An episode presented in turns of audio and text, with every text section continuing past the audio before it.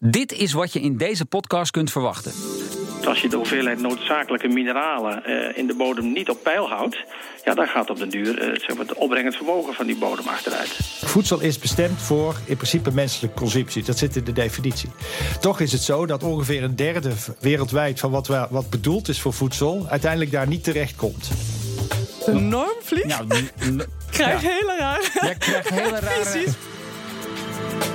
De circulaire economie, daarover gaat het in deze podcastreeks. Met nu, wat hebben we nodig om voedingsstoffen uit landbouwgrond zo hoogwaardig mogelijk te hergebruiken? Voor het Normisatieinstituut ga ik op onderzoek in de wereld van grondstoffen en hergebruik. Op zoek naar kansen, maar ook inzoomend op alle uitdagingen.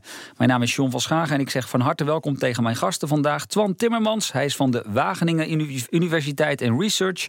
En Juliane Eickhoff, hier in de studio van NEN. Um, Twan, om even met jou te beginnen. Wat doen jullie daar in Wageningen precies?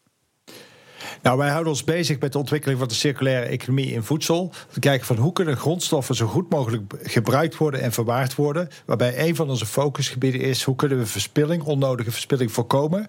En zorgen dat reststromen zo hoogwaardig ook weer worden ingezet. Volgens wat wij dan noemen de, de, ja, de ladder, de piramide van gebruik van grondstoffen. Waarbij we streven naar zo hoog mogelijk menselijke consumptie, diervoeder, biobased. En eigenlijk alles daaronder past wel in een circulair systeem. Maar wil je zoveel mogelijk, zo lang mogelijk proberen te voorkomen. Inclusief bijvoorbeeld het maken van energie uit, uh, uit voedsel. Als dat niet nodig is, moet je dat echt niet willen.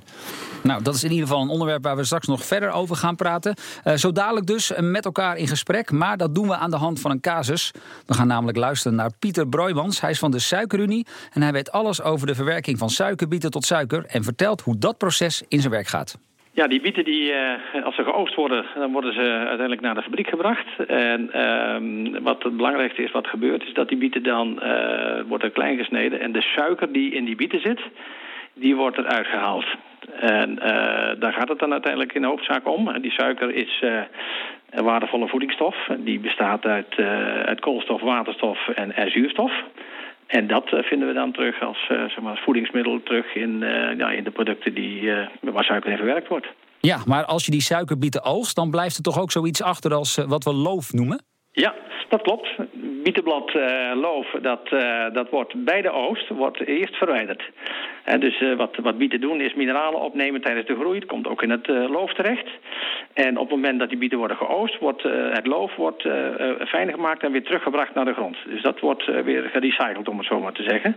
En dus dat is de eerste cyclus van terugbrengen van mineralen die de plant heeft opgenomen. Ja. Dus dat blijft achter op het land. En een tweede cyclus zien we als we de bietensap gaan zuiveren. Ja, dat klopt. Als we um, de bieten fijn gesneden hebben, dan wordt uh, zeg maar het suiker via een, het, uitlogen wordt, uit het snijdsel gehaald van de suikerbieten. En um, de, dat sap wat dan vrijkomt, daar zit de suiker in, in opgelost. Maar daar zitten ook een aantal niet-suikers in opgelost. Nou, wat in het suikerwinningsproces nou gebeurt is dat daar dan kalk aan toegevoegd wordt.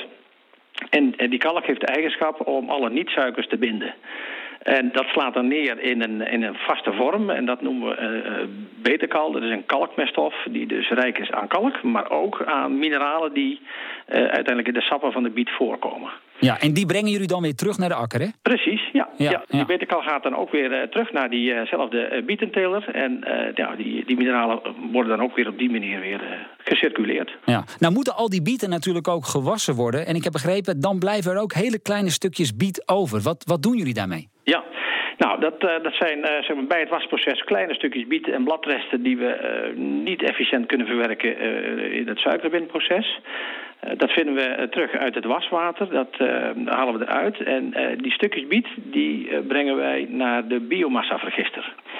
En die vergister, daar zitten allerlei bacteriën in. Die werken die organische stof, hè, die bietenstukjes en die bladresten, werken die om naar groengas. En dat is eigenlijk methaan. Wat vergelijkbaar is met het aardgas wat we uit, uit, de, zeg maar uit, de, natuur, uit de fossiele uh, bronnen binnenhalen. Hè, zoals de aardgasbel in, in Groningen en elders. Dus die uh, uh, CH4 is groen gas. Dat wordt gemaakt uit plantenresten. En ja, daarmee kunnen wij weer een deel van de energiebehoefte weer benutten. Want het gas wat wij produceren aan de hand van die bietenresten, dat voegen wij aan het openbare net. En daar worden in de omgeving de aardappelen opgekookt en de verwarming gestookt. Ja, nu heb ik al een aantal voorbeelden gehoord van dat circulaire denken. Ja. Ehm, waarom is het eigenlijk voor jullie als Suikerunie, voor jullie teelt, nou zo belangrijk om al die grondstoffen nou ja, ook echt weer terug te geven aan die grond?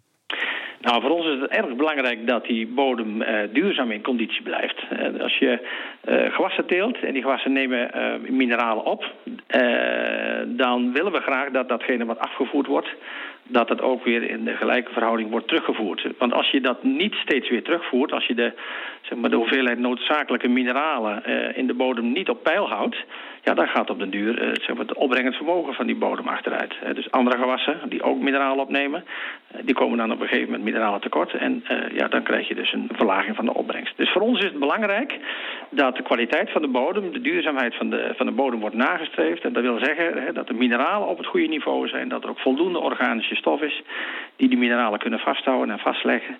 En, en dat is een garantie voor zeg maar een goede opbrengst ook voor de toekomst. Niet alleen maar nu dus, maar ook voor de lange termijn die nog uh, na ons komt. Het klinkt echter wel allemaal nou ja, behoorlijk arbeidsintensief. Is dat het ook?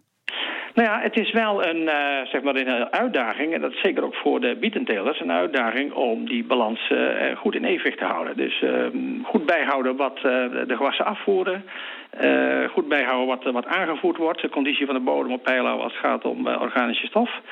Uh, daar helpen we de boer ook bij. Hè. We helpen uh, die boeren om uh, zeg maar, te laten zien wat in de bietenteelt wordt afgevoerd. En wij kunnen ze laten zien op welke manier de organische stof zeg maar in balans gebracht kan worden. Daar helpen ze mee met een adviesprogramma.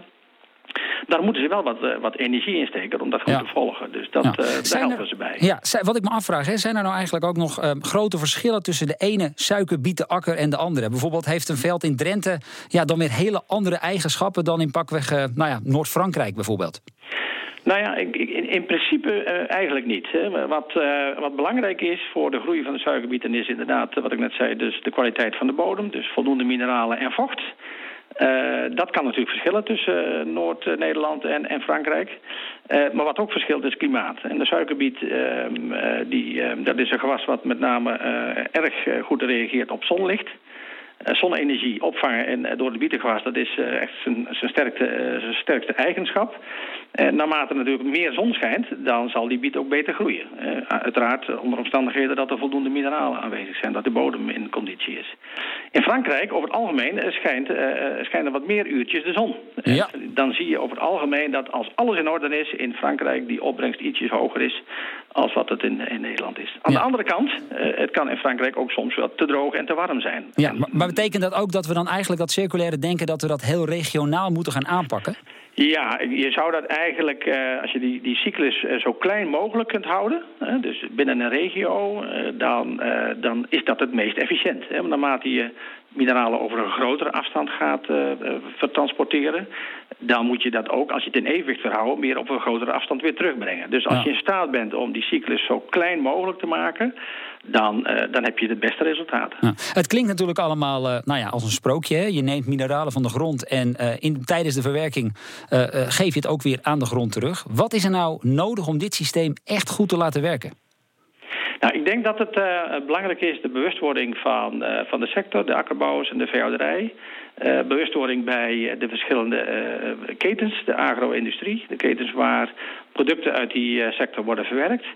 En ik denk dat daar dan uh, zo goed mogelijk uh, zeg maar de energie moet gestoken worden in uh, de mogelijkheden om alle mineralen die bij die processen dus vrijkomen, uiteindelijk zo goed mogelijk en zo efficiënt mogelijk weer terug te brengen naar, naar die sector zelf, naar die akkerbouw. Ja, en gaat, dus- gaat dat nog lang duren, denkt u? Ja, ik denk dat dat, dat, dat best wel, wel, wel uitdagend is. dat zal niet voor elke sector even gemakkelijk zijn. Dat, maar goed, ik denk dat het wel de opdracht is om, om dat met z'n allen zo goed mogelijk uit te voeren. En dat zei Pieter Broijmans van Suikerunie in een gesprek dat wij eerder met hem voerden. Ja, in deze podcast over de circulaire economie praat ik door met Twan Timmermans. Hij is van de Wageningen Universiteit en Juliana Eikenhof van NEN. Um, ja, Juliana, ik denk dat heel weinig Nederlanders erbij stilstaan wat er eigenlijk allemaal achter de schermen gebeurt op dit gebied. Nou, dat kan ik me goed voorstellen, inderdaad. Want uh, juist uh, het begrip circulaire economie, wat betekent dat nou precies? Blijft natuurlijk best wel vaag. En juist daar proberen we met uh, dit soort concrete voorbeelden ook handen en voeten aan te geven en best practice voorbeelden te schetsen. Van wat betekent circulaire uh, economie daadwerkelijk in de praktijk voor de biomassa, voor de voedselindustrie. En uh, hoe gaan andere bedrijven daarmee om? En hoe zorgen we ervoor dat deze kennis breed beschikbaar wordt voor heel Nederland, maar ook breder dan Nederland, voor Europa en internationaal? Ja, uh, Timmermans van de Wageningen Universiteit. Uh, wat viel jou op in de opmerkingen van, uh, van deze meneer Broijmans? Nou, wat, wat opvalt, en dat weten we, is dat het de sector is die zijn verantwoordelijkheid neemt en goed bezig is. Wat, wat me verder wel opvalt, is dat zijn focus ligt echt op de bodem. En ik denk dat dat typisch is wat je ziet rondom een relatief nieuw begrip als circulaire economie. Ieder kijkt toch vanuit zijn eigen perspectief welke grondstoffen nodig zijn, hoe je nutriënten zo goed kunt terugvoeren. Wat heel belangrijk is, dat je hem gewoon integraal benadert. Dat je kijkt van, en, en ook je afweging, hoe kun je het als systeem zo goed mogelijk doen? Want iedereen is het erover eens, die bodem moet gezond zijn en daar moet die organische stof in zitten. Wat wij ook kijken is van hoe kun je grondstoffen uit, uit suikerbiet, en zowel de biet als de bladeren, ook zo hoog mogelijk gebruiken uh, en op een zo efficiënt mogelijke manier. Dus we kijken bijvoorbeeld hoe kun je uit die bladeren, hoe kun je daar eiwitten uithalen die je ook weer kunt gebruiken voor allerlei positieve toepassingen. Maar ook uit die suiker, uh, melassen zeg maar, zitten allerlei grondstoffen in waar we uh, oplossingen hebben om daar verfingrediënten uit te maken, ingrediënten voor de cementindustrie, voor wasmiddelen, om daar plastic van te, van te maken. Allemaal hernieuwbare grondstoffen, die dus ook een echt uh, serieus alternatief zijn, bijvoorbeeld voor de transitie op het gebied van, uh, van fossiel naar meer biomassa. Dus je zit er in zijn integraliteit moeten uh, beschouwen en zeggen van ja, die bodem is belangrijk. En natuurlijk moeten we efficiënt het systeem inrichten, maar kijk heel goed, en wij noemen dat eigenlijk ja, biorefinery. Dus kijk naar zo hoog mogelijke waarden die je kunt creëren vanuit de verschillende ingrediënten en streef altijd naar zo hoog mogelijk. Ja, want je zegt inderdaad, het woord hoog valt regelmatig. Wat bedoel je feitelijk met hoogwaardig gebruik? heb je daar voorbeelden van? Ja, kijk. Uh, Voedsel bijvoorbeeld, als voorbeeld, dat kent iedereen. Kijk, voedsel is bestemd voor in principe menselijke consumptie. Dat zit in de definitie. Toch is het zo dat ongeveer een derde wereldwijd van wat, wat bedoeld is voor voedsel, uiteindelijk daar niet terecht komt. En wij noemen dat verspilling. En dan kun je altijd kijken van ja, hoe komt dat en waar wordt het dan voor gebruikt? Maar een heel groot deel van dat voedsel komt uiteindelijk in verbrandingsovens terecht of in vergisters of wordt gebruikt voor, uh, voor veevoer. Dat zijn allemaal verschillende toepassingen, maar je gaat wel steeds lager in die ladder. Uh, dus kijk hem in integraliteit, maar kijk ook van hoe je zo hoog mogelijk met zo min mogelijk hulp en grondstoffen, dus op een efficiënte manier. Uiteindelijk maak je daar een beter systeem in. Wat helpt bijvoorbeeld in, in de aanpassen richting klimaatverandering, wat helpt richting het efficiënt gebruik van allerlei grondstoffen. En daar bouw je dus een beter systeem mee. Wat mij overigens wel opviel in dit, uh, dit verhaal van Suikerunie is hoeveel er eigenlijk al bekend is over het hergebruik van grondstoffen. En nou, ook hoeveel moeite er wordt gedaan om die grondstoffen weer over de akker te verspreiden waar ze vandaan komen. Um, ja, gebeurt dat eigenlijk in heel veel processen? Die vraag, ja, maar die vraag, ik denk... ik, ja, die vraag stel ik aan jou, Twan. Oké, ja, nee, dat, absoluut. En ik, ik zie andere sectoren waar op grootschalige manier... en suikerbiet is daar een voorbeeld van, aardappel is een voorbeeld van... daar zie je dat bedrijven al jarenlang serieus bezig zijn. Hoe kunnen we die processen zo efficiënt, effectief mogelijk inrichten... inclusief het behoud van de, van de bodem. Maar er zijn natuurlijk ook gebieden waar dat nog nauwelijks, uh, nauwelijks gebeurt. Maar de, Nederland loopt juist voorop in het zeg maar, innovatief nadenken... over hoe we zo goed mogelijk alles kunnen gebruiken. En ik denk dat de glastuinbouw ook bij uitstek een sector is waar Nederland gewoon toonaangevend in de wereld uh, is. Door zo slim mogelijk met water, met energie en met allerlei grondstoffen om te gaan, zoveel mogelijk te produceren. Aan de andere kant, en dat is denk ik iets waar we waar we vanuit die circulaire economie eens goed moeten kijken van is dat allemaal optimaal? Want uiteindelijk gaat het wel over efficiënt, een lineair systeem, waarbij je ook ziet dat daar heel veel verspilling plaatsvindt, die eigenlijk, als je daar onder de streep naar kijkt, gewoon zonde is van alle grondstoffen en ingrediënten. Dus we zijn er nog niet mee door die lijn alleen maar door te trekken, nog meer efficiënter te gaan, eh, gaan kijken. We zullen echt moeten kijken van waar zien we in die ketens nog grondstoffen en nutriënten die we beter kunnen verwaarden, zonder dat we alleen maar moeten kijken naar die efficiëntie van individuele processen. Met andere woorden, we zijn er nog niet. Uh, Juliana Eikel van NEN wil ik toch even weten, er gebeurt dus al heel erg veel. Wat kan zeg maar, van de, met jullie specifieke kennis daar uh, de toegevoegde waarde zijn? Nou, wat je heel veel ziet, juist in de uh, circulaire economie, is dat wat we vroeger deden, een organisatie op zichzelf kijkt van wat zijn mijn afvalstoffen en hoe ga ik die weer hergebruiken. dat geldt eigenlijk niet meer. Je moet veel breder dan, dan dat kijken. Je moet kijken naar de keten, maar je moet zelfs over ketens heen kijken, wat Swan net ook aangaf. Food, non-food, die, die scheiding bestaat eigenlijk niet meer. Wat dan wel heel belangrijk is, als je zaken met elkaar wilt doen, is dat je goede afspraken maakt. Hoe gaan we um, de methode vaststellen om aan te kunnen tonen dat het, uh, de grondstof die je gebruikt de juiste kwaliteit heeft, ook al is die gerecycled? Hoe kun je ervoor um, waken dat uh, goede productieprocessen geborgd worden? Um, daar moet je echt goede afspraken over maken. En daar uh, is natuurlijk ook NEN het kennisplatform ja. voor om de juiste. Maar kunnen we dan stellen dat op, met name op dat vlak er nog wel wat werk aan de winkel is? Absoluut. Uh, circulaire economie. Het is niet voor niks dat het tot 2050 uh, de, de tijdshorizon strekt. Het is een heel nieuw concept, hele nieuwe businessmodellen die moeten worden opge, opgesteld. En ook hele nieuwe samenwerkingsverbanden moeten worden gedefinieerd. Ja, um, Twan, als wij naar het verhaal van, uh, van de heer Broijmans uh, luisteren, dan komt het mij ook heel erg over als een heel arbeidsintensief proces. Um, dat, ja, dat stelt me natuurlijk meteen ook de vraag: kun je dit wel rendabel krijgen? Nou, wat, wat Juliana ook al aangaf, je moet op zoek naar nieuwe businessmodellen. Want we zitten, eh, zeker als we naar de voedselsector kijken, in, in, wereldwijd, maar ook in Nederland. Je ziet eigenlijk dat alles zo ingericht is dat het efficiënt is, dat het hoogproductief is. En je ziet dat het met steeds minder mensen dus ook, ook gebeurt.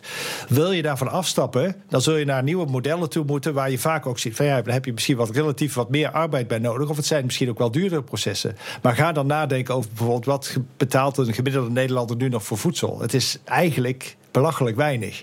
En als we daar die trend zo door, blijven doorzetten, ja, dan komen we dus ook nooit naar een oplossing. Dus je zult een breder in het systeem moeten, moeten zien. Voedsel moet weer gewaardeerd worden. Dat hele systeem moet weer gewaardeerd worden. Maar dat begint met inzicht krijgen hoe doen we het nu en waar kan het beter. Ik denk een heel interessant voorbeeld. En, en, en, en vaak komen die ontwikkelingen ook van buiten. Hè? Dus dat het voedselsysteem zelf verandert niet zo makkelijk. Dus je ziet soms dat je, dat je urgentie creëert door dingen van buiten. Nou, een van de dingen die voor Nederland voor de komende jaren extreem belangrijk wordt, is de richting van een, een duurzame veehouderij. Uh, dat zal ook een van de speerpunten op het gebied van landbouw en voedsel worden van het nieuwe, nieuwe kabinet, is de, is, de, is de verwachting. Want dan zie je dus dat op het gebied van gezondheid, op het gebied van acceptatie uh, de, door de maatschappij, dat er allerlei issues spelen uh, die dus een, een noodzaak geven voor zo'n sector om te veranderen. En als je dan kijkt, waar komt zo'n sector vandaan? Waarbij, kijk, veel mensen kunnen zich nog herinneren, vroeger werden reststromen op een goede, veilige manier gebruikt door varkens bijvoorbeeld. Nou, nu gebeurt dat niet meer, omdat het niet mag volgens allerlei wetgevingen. Ja, en zien we waarom dat die... dan eigenlijk niet? Leg dat eens uit. Nou, dat heeft, dat heeft onder andere te maken met een heel goedkoop alternatief. Lees het importeren van soja uit Brazilië. Maar dat, daar krijg je weer die discussie over die circulariteit en, de, en de, de, hoe groot die kringlopen moeten zijn. Dit, zijn. dit zijn wereldwijde kringlopen waar onttrek je dus nutriënten uit Brazilië. En die hebben we hier in de vorm van een enorm mestprobleem houden we die over. Uh, dus die kringlopen die zijn totaal niet meer lokaal. Er ja, is een ik, heel ik zou zelf kunnen bedenken als we bijvoorbeeld zoiets hebben als een product, hè, oude tomaten die niet worden verkocht. Uh, die worden weggegooid. Nou, die gaan vaak in de vergister. Ik hoor je al een aantal keer zeggen dat zouden we eigenlijk niet moeten doen. Waarom kunnen we daar bijvoorbeeld geen varkensvoer van maken? Nou, dat gebeurt al voor een deel. Maar dan nog oude tomaten van varkensvoer is zonde. Uh, want dan kun je namelijk prima soepen, sauzen en allerlei andere producten van maken. Dus wij zitten ook met name te kijken van kun je dat nog beter verwaarden. Maar je hebt stromen. En dat zijn stromen bijvoorbeeld als je, als je in de groenteverwerking steeds meer mensen uh, kopen die kant-en-klare groenten. Nou, daar zit relatief veel afval en dat kun je niet meer als voedsel gebruiken. Nou, die stromen kun je prima opwerken tot hoogwaardig veevoer. Uh, en, en een proces zo inrichten dat het circulair wordt. Het mooiste voorbeeld in deze, want in circulariteit wil je liefst alles op waarde behouden. Maar er zijn ook voorbeelden die zeggen van ja, dan kun je waarde gaan creëren. En daar zit ook een belangrijke rol voor de veehouderij. Uh, een relatief nieuwe ontwikkeling is dat je die reststromen die niet meer voor menselijke consumptie geschikt zijn, die kun je aan insecten geven in een bepaalde mix. Die insecten maken daar weer hoogwaardige eiwitten en vetten van. En die kunnen op allerlei toepassingen weer in de, in de voedingsmiddelenindustrie worden gebruikt. In de voedselhoek, het wordt eh, gebruikt om kippen te voeren, waardoor die een beter, uh, beter welzijn hebben. Maar je kunt het ook als een van de beste kwalita kwalitatief producten voor visvoer bijvoorbeeld, bijvoorbeeld gebruiken. Ja, en, het leuke, en, het, en het leuke van die insecten is namelijk, hun reststroom is een van de beste bodemverbetermiddelen die je kunt bedenken. Want daar zitten stoffen in die het bodemleven stimuleren, onder andere chitine. Dus daar heb je een voorbeeld van hoe je iets heel, in plaats van circulair, eigenlijk zegt van hé, hey, daar gaan we iets nog opwaarderen. En we sluiten die hele kringloop op een lokaal, op een regionaal niveau. Ja, ja dat is een mooi voorbeeld inderdaad om die ketens uh, te sluiten. Uh, uh, ja, Juliana, als we hier naar horen, als we hier naar luisteren, dan zouden we eigenlijk kunnen concluderen dat er nog enorm veel werk voor ons ligt. Maar de kansen zijn er. Ja, absoluut. absoluut. Zeker als we gaan over de insecten. Daar hebben we net begin dit jaar hebben we een onderzoek naar gedaan. Van waar is nou eigenlijk de normalisatiebehoefte vanuit de markt, vanuit de Nederlandse markt? Want als Nederland lopen we hierin voorop. En we willen opschalen. En dat kan alleen maar als ook het vertrouwen van de consumenten is, als het vertrouwen in de productiemethodes, maar ook in de kwaliteit van de grondstoffen. Dus ook aan de voedingsbodem van de insecten bestaat. Ja, we krijgen dus in feite zoiets als de normvlieg. De normvlieg? Nou, norminsecten of iets dergelijks. Zou ik er zomaar iets bij, bij kunnen voorstellen. Ik krijg hele rare... Jij krijgt hele rare... Precies, maar dat kan aan mij liggen. Een hele rare gedachtegang in ieder geval. Uh, nee, maar even uh, zo zonder gekkigheid hebben doen, want uh, de, de, ambities zijn er. Er wordt al volop mee gepioneerd. Maar jullie, hè, jullie zijn hier natuurlijk ook dichtbij, nauw bij betrokken. Welke belemmeringen komen we dan tegen? Bijvoorbeeld als het gaat om het gebied van beleid. Nou ja, om bij het voorbeeld van de insecten te blijven, daar zijn we nauw in contact met zowel uh, de uh, producerende industrie als ook uh, de overheid, als ook de Wageningen Universiteit. Gaan we bijvoorbeeld ook in een tripartite overleg in overleg van waar zitten de belemmeringen? Hoe kan een norm als legitimatie helpen om dus ook het bewustzijn bij de consument en het vertrouwen van de consument uh, te bevorderen. Maar tegelijkertijd ook uh, garanderen dat um, insectenkwekende bedrijven volgens een bepaald protocol hun, uh, hun insecten kweken. Ja, um, Twan, nog eventjes. Je zei eerder ook al dat we zouden daar liever geen energie van moeten maken. Hè? Bijvoorbeeld van, van voedsel, overgebleven voedsel. wat we overigens wel zien is dat er bijvoorbeeld voor vergistingsprocessen... ja, daar wordt allerlei subsidies worden daar nog steeds aan gegeven. Um, zouden we daar dan niet van af moeten? Ja, wat mij betreft morgen. Uh, en dat is, dat is ook een, een, zorg. Ik zie heel veel kansen, maar ik zie ook wel zorgen. Ik zie ook wel zorgen dat als onze focus, en ook vanuit een kabinet op, op klimaat, alleen gericht is op energiebesparing en alternatieve energiebronnen, zonder het domein landbouw en voedsel serieus mee te nemen, dan gaan we een stimulering krijgen van uh, biomassa om energie van te maken. Terwijl dat eigenlijk veel beter had kunnen benut kunnen worden voor of directe consumptie, of voor uh, veevoer, of voor zogenaamde non food toepassingen. En we zien dat dat eigenlijk nu de laatste jaren al, al gebeurt. Dat, dat mede door het subsidieinstrumentarium, maar er spelen ook andere uh, zaken een rol. Waardoor we op het gebied van voedselverspilling in Nederland uh, geen uh, voortgang geboekt hebben. En dan zien we dus dat eigenlijk alle inspanningen van uh, bedrijven in supermarkten, de catering voor deel ook aan consumenten en bedrijfsleven worden teniet gedaan door een ander instrument van de, eigenlijk diezelfde overheid die ook een beleid op vermindering van voedselverspilling heeft. Dus ik maak me ook wel zorgen dat als daar niet breder wordt gekeken uh, naar van wat, wat zijn op de lange termijn de zaken die je moet doen en de scenario's om klimaatverandering serieus aan te pakken, dat, dat we daar nu de verkeerde keuzes gaan maken. En ik hoor ook al geluiden dat land, goede, goede land gebruikt wordt om zonnepanelen te plaatsen, bijvoorbeeld. Maar met name dat, dat het subsidiëren, dat voedsel, wat eigenlijk beter gebruikt had kunnen worden voor andere toepassingen, in vergisters terechtkomt. Ja, dat is gewoon doodzonde. En, uh, en daardoor zullen we onze doelstellingen richting Europa op andere gebieden dus ook niet gaan maken. Ja, tot slot nog even heel kort. Zie jij nog een, een andere belangrijke hobbel uh, waar we nog overheen moeten? Nou, ik denk een hele belangrijke. Ik noemde al die duurzame veehouderij. Uh, mede doordat we uh, 10, 15 jaar geleden een aantal grote uitbraken van ziektes hebben gehad, zien we dat wetgeving op het gebruik van reststromen in de, in de uh, veevoeder nogal beperkt is, ingeperkt is. Er is steeds meer inzicht dat dat eigenlijk doorgeschoten is. En je ziet in landen zoals Japan, Zuid-Korea, zie je praktijken dat als we die hier in Nederland ook zouden gaan, uh, zouden gaan toepassen, dat we de, de hoeveelheid import van soja bijvoorbeeld nou, bij 30, 40% kunnen reduceren. Door gewoon grondstoffen die we hier zelf al hebben, die nu een probleem zijn, weer te gaan gebruiken voor iets wat, wat eigenlijk oorspronkelijk ook daarvoor bedoeld is. En dat kan op een veilige manier. Uh, maar je zult dat wel met elkaar moeten doen. Maatschappelijke organisaties, overheden, bedrijfsleven en vanuit onderbouwd vanuit de wetenschap. Zeggen van ja, wat zijn nou de feiten? Wat zijn de echte verhalen en de echte uh, mogelijkheden? Maar centraal zal ook wel staan van hoe ga je consumenten daar op een consistente, goede manier bij betrekken. Zodat zij ook het gevoel blijven houden dat ons voedsel altijd veilig is. Want er mag geen enkel compromis worden gesloten op het gebied van vertrouwen en voedselveiligheid. Dat is een, uh, dat is een duidelijk verhaal en daarmee gaan we ook, uh, gaan we ook afsluiten. Twan Timmermans van de Wagen Universiteit, Wageningen Universiteit moet ik zeggen, en Research. En Juliane Eikenhof, zij is van NEN. Ik dank jullie beiden voor jullie uh, verhalen en jullie bijdrage. Ja, mijn luisteraars roep ik graag op om ook te luisteren naar de andere afleveringen van deze podcastreeks. Daarin gaat het ook over andere sectoren in die circulaire economie. Bijvoorbeeld over hergebruik van kunststoffen. Het gaat vooral om uh, het feit dat je. Um zoals hier in deze voorbeelden één op één afspraken maakt. Nou, dan heb je heel duidelijk te maken met partijen die je, die je kent en waar je gewoon één op één afspraken mee kan maken. Maar je wil dat ook vaak naar een soort anonieme partijen communiceren. En dan heb je vaak afspraken nodig die, die daar uh, in, in de wereld waar je opereert geaccepteerd zijn. En voor nu zeg ik dank voor het luisteren.